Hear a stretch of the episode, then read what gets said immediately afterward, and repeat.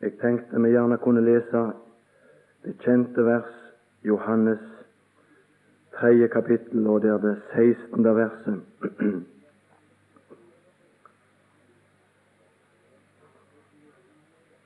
Der står det For så har Gud elsket verden, at han gav sin sønn, den enbårne, for at hver den som tror på ham, ikke skal fortapes, men ha evig liv. På kinesisk så sies det at det heter For så lidenskapelig har Gud elsket verden. Du verden, for en kjærlighet som er åpenbart i dette som vi her leser. Og da må vi med det samme gi apostelen Johannes rett i det han sier i dette kjærligheten. Ikke, ikke i det at det er vi som har elsket. Hvis vi leser i Matteus 22, og der det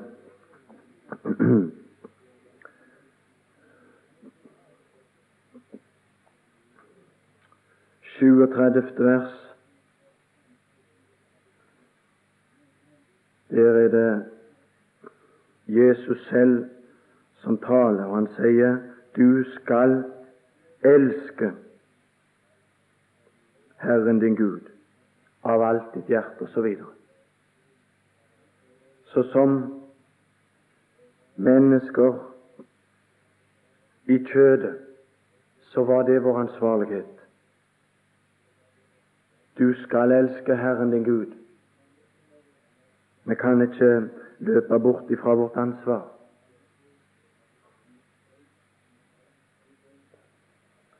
Men om vi hadde levd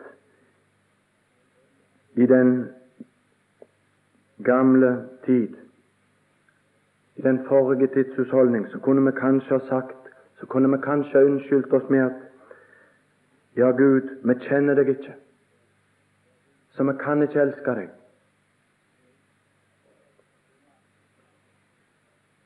Men det kan ikke vi si, for Gud har åpenbart seg fullkomment i den Herre Jesus.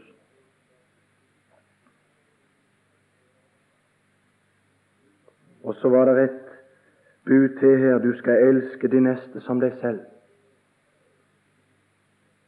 Og om vi hadde levd på den tid før den Herre Jesus kom, så kunne vi kanskje ha sagt Ja, men alle våre naboer, alle de vi bor iblant, det er bare ufullkomne folk. Det er ikke noen som er elskverdige.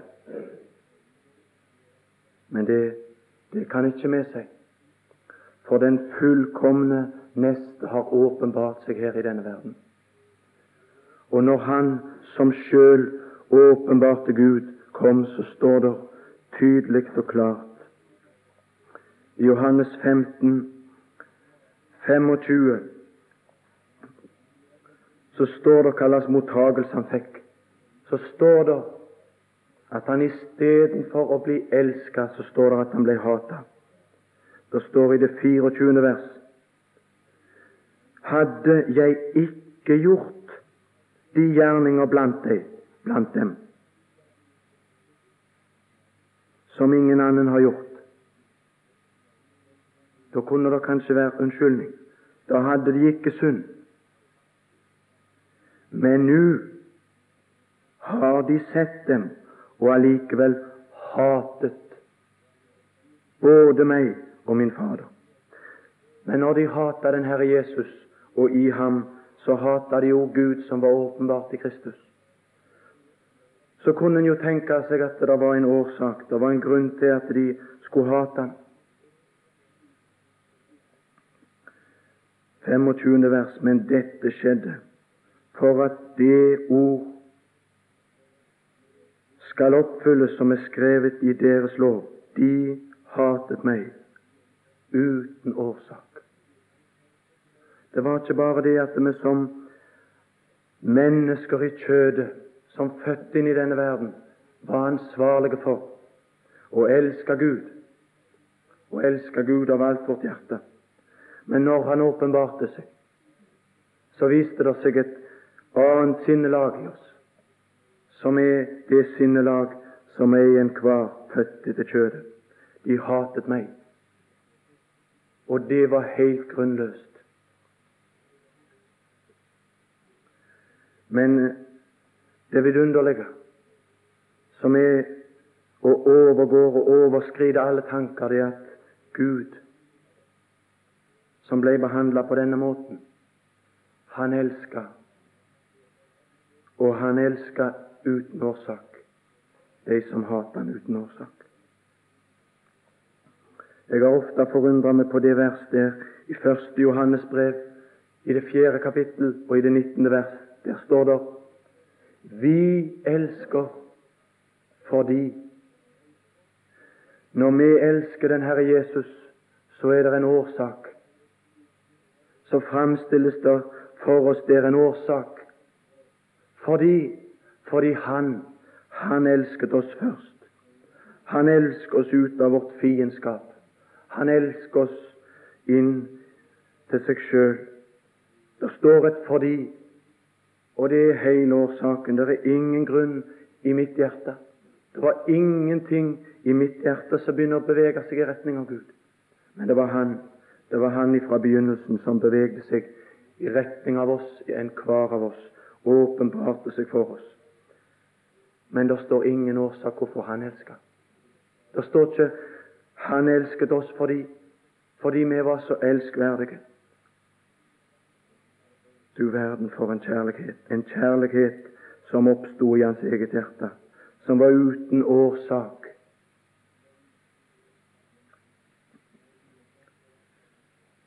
Videre der i Johannes evangelium, i det 19. kapittel, der synes jeg at dette kommer så klart til uttrykk.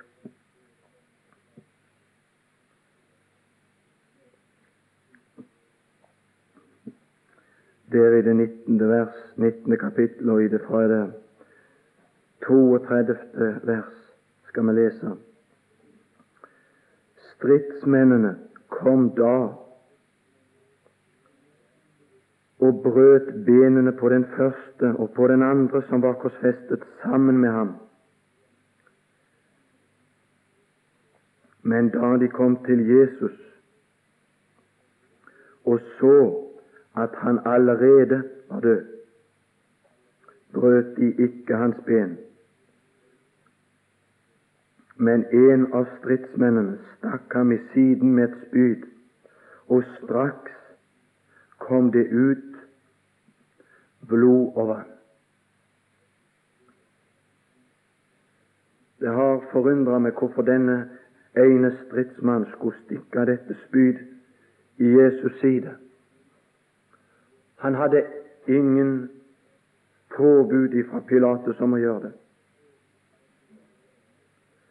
Og ifølge det 33. vers så så de at han allerede var død.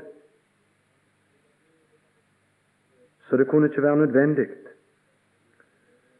Men den eneste grunnen jeg kan tenke meg, det var at denne stridsmannen så en anledning til å vanære, til å vise dette hjertelag som allerede har lest om, imot den Herre Jesus. I hat mot den Herre Jesus så stakk han spyden i sida. Så her er menneskets hjerte, vårt hjerte som vi har etter naturen, det er fullstendig blottlagt. blottlagt blottlagt til grunnen. Men det som overalt er vidunderlig å se her, når det er så veldig vanærende for oss at vi skulle ha et slikt sinnelag overfor den eneste Gud, som åpenbarte seg i kjærlighet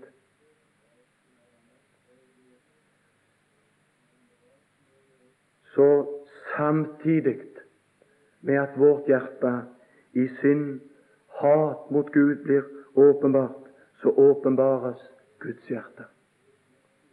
For det står og straks kom det ut blod og vann.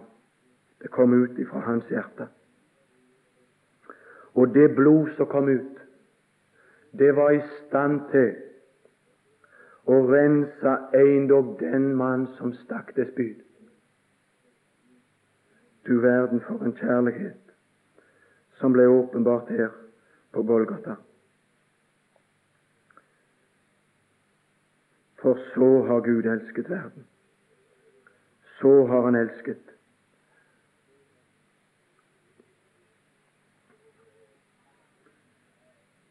Jeg tenkte lenge at dette verset her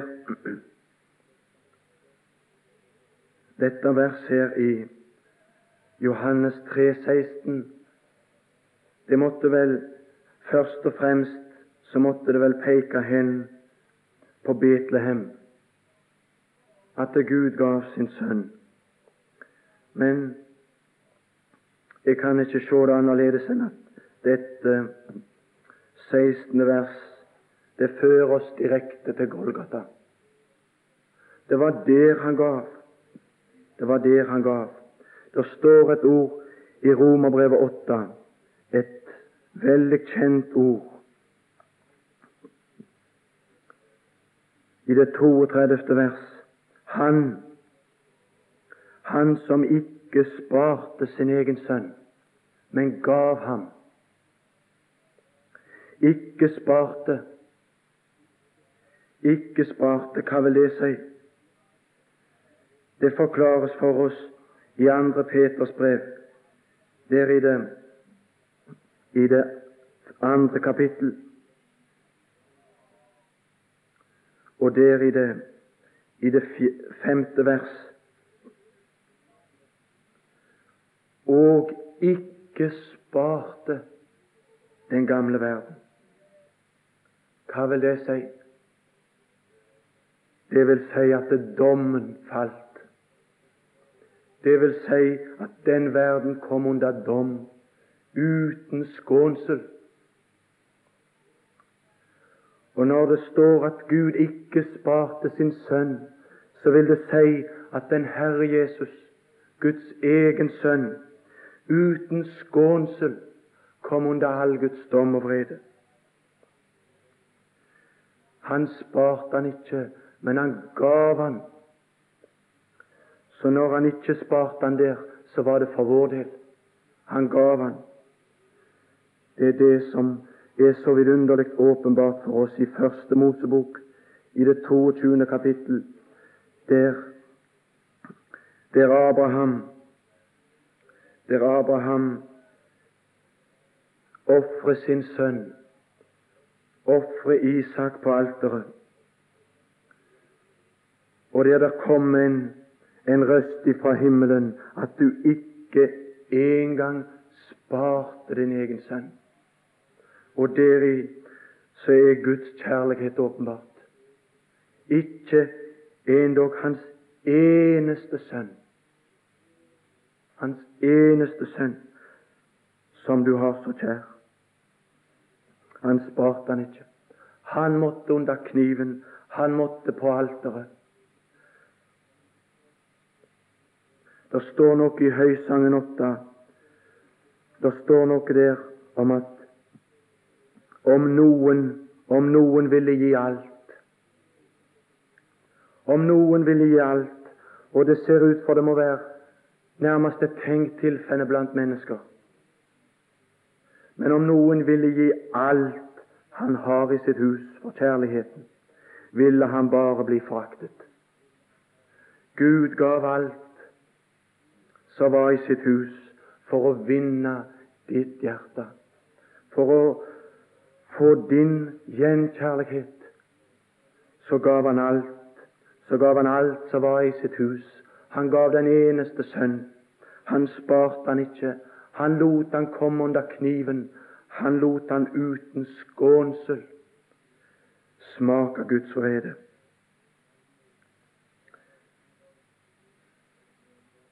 Det er det som fortelles oss her i Johannes 3. Det er det Johannes leder vår oppmerksomhet henimot. Det er det han viste for Nikodemus, for at han skulle bli gjenfødt. For at han skulle bli gjenfødt og komme inn i Guds rike, så måtte han få dette syn. Så måtte han få dette for sitt øye. Det er denne måten det skjer på. For det står der i det 14. vers og like som og like som Moses opphøyet slangen i ørkenen, således skal menneskesønnen opphøyes.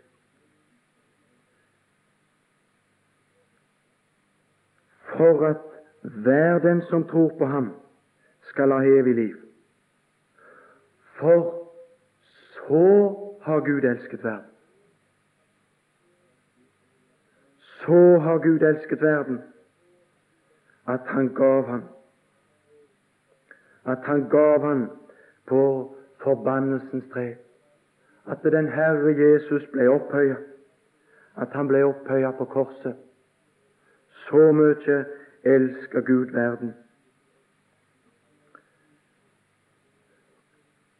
Og det er godt for oss, for enhver som tror, å lese følgende av at Gud har elsket slik. For det står For så har Gud elsket verden, at Han gav sin Sønn, den enbårne, for at hver den som tror på ham, ikke skal fortapes. Ikke skal fortapes. Straffen, den er båren. Straffen ble båren når han ble opphøya. Så for den troende så er det ingen fortapelse for den som tror på ham, men det er evig liv.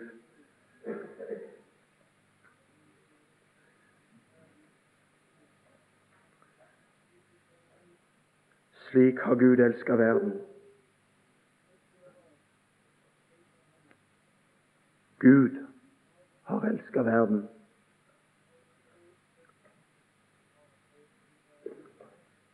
Det står i det i Korinterbrevet, i det andre Korinterbrev, der er det Der er det Paulus som skriver Og så skriver han slik Gud,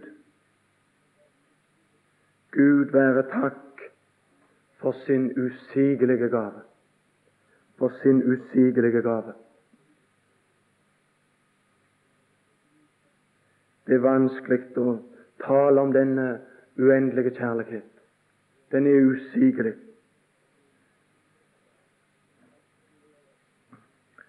Johannes skriver i sitt brev når han skriver og, og framstiller Guds kjærlighet, så skriver han òg bl.a.: La oss ikke elske med ord eller med tunge, men la oss elske i gjerning og sannhet.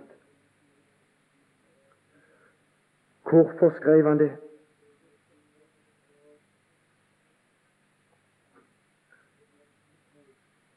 Guds kjærlighet, den er usigelig.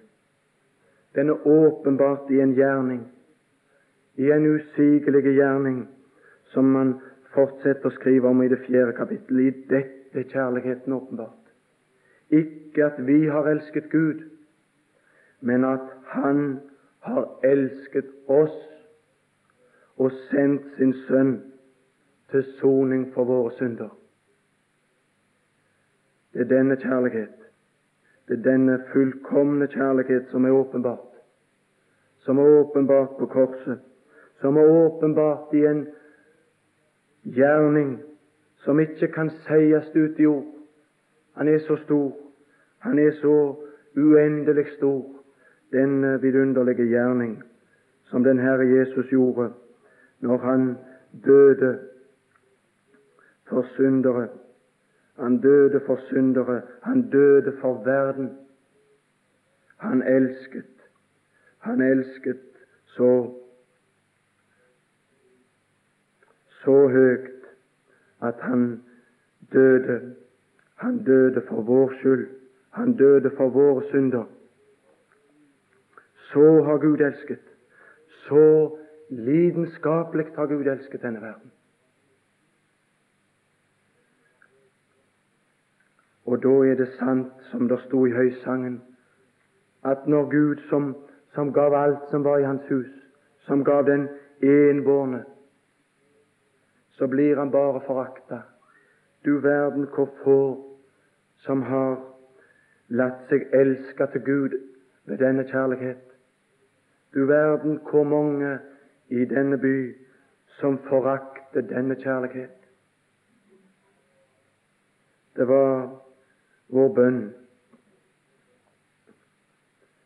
at når den kjærlighet ble åpenbart, at den kunne virke slik som den virka for Nikodemus, at han ved å se, ved å se opp, bare ved å se, se opp til den slange, den kobberslange som var opphøya, så skulle han bli redda.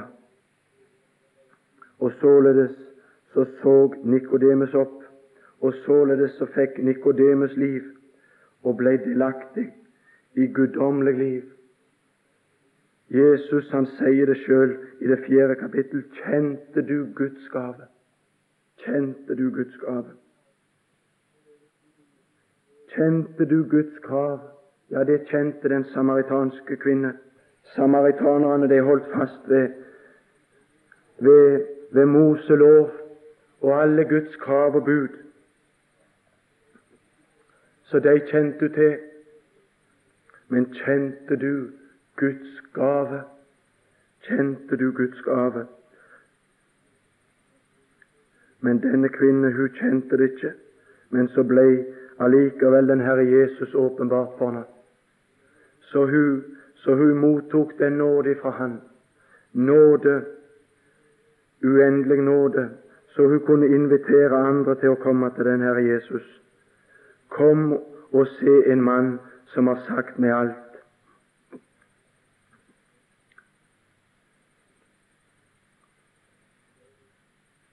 En som hadde avslørt henne. Hun kunne invitere andre til en som hadde avslørt henne. Sannheten hadde avslørt henne, men sannheten hadde kommet i forbindelse med nåden. Nåden og sannheten som hadde frelst henne og brakt henne til Gud. Så hun fikk kjennskap til Guds gave, og hun kjente den person. For så har Gud elsket verden. Så har Gud elsket verden at han gav. Gud har elsket, og Gud gav.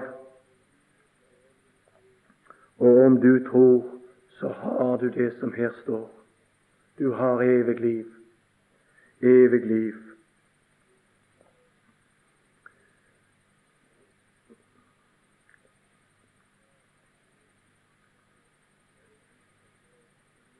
Der står Jeg leste en gang en beretning om ei som, som hadde en stor frykt. En stor frykt for at Gud var vred. Det var en del ute i middelalderen, kanskje på det 15. århundre, og det var lite av evangeliets lys som skinte. Og denne jenta, hun hadde en svær frykt, en stadig angst og redsel for Guds vrede, som hun regna med måtte ramme henne.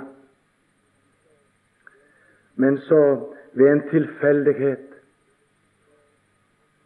så kom hun til å lese et bruddstykke, lite, en liten papirstrimmel, og på den stod der, så sto det disse ord For så har Gud elsket verden at han gav. Og så sto det ikke mer. Det var avrevet. Men da, når dette Når hun hadde lest dette, og denne sannhet kom inn i hennes hjerte, så tenkte hun ja, Gud er ikke vred på meg. Gud kan ikke være vred på meg. Så gikk hun og sa det til sin mor. Gud har gitt, så Gud kan ikke være vred. Ja, men du vet ikke hva Gud har gitt. Det står jo ingenting om hva Gud har gitt. Ja, det har ingenting med saken å si. Når Gud bare kan gi, så kan han ikke være vred. Men så fikk hun høre hele sannheten. Det var jo bare et, en dråpe. Du verden, her er et hav. Her står det hva han gav. Det var ikke bare at han gav. Om vi hadde bare visst det, så måtte vi jo kunne ha vært i tvil. Men du verden, for et privilegium vi har, som kjenner den evige Gud, og vi kjenner hva Han har gitt. Han har gitt alt alt som var i sitt hus. Han gav sin enbårne sønn. Han gav for at han skulle vinne vår gjenkjærlighet. For at han skulle vekke noe i våre hårde hjerter ved at han slik åpenbarte seg for oss.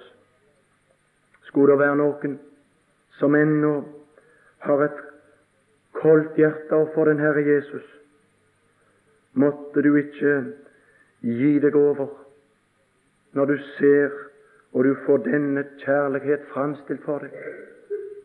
Det er framstilt i slik svakhet, men det står her. Grunn på det, tenk på det. Gå inn i denne vidunderlige sannhet inntil den det lys rinner i din sjel. Måtte du ta imot det. Måtte du la Guds kjærlighet få smelte ditt hjerte. Måtte du òg få en årsak så du kan elske Gud for. At Han elsker deg først. At Han elsker deg med en slik kjærlighet. Skal vi be.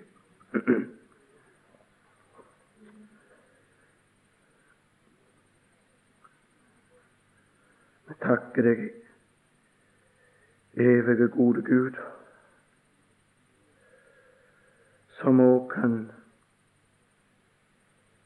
tre framfor som vår Fader i Kristus Jesus. Det blir bare noen stammende ord. Jeg føler det at dette er uutsigelig. Det er en uutsigelig gave du har gitt oss. Men vi takker for at vi i alle fall har fått våre øyne festet på denne gaven.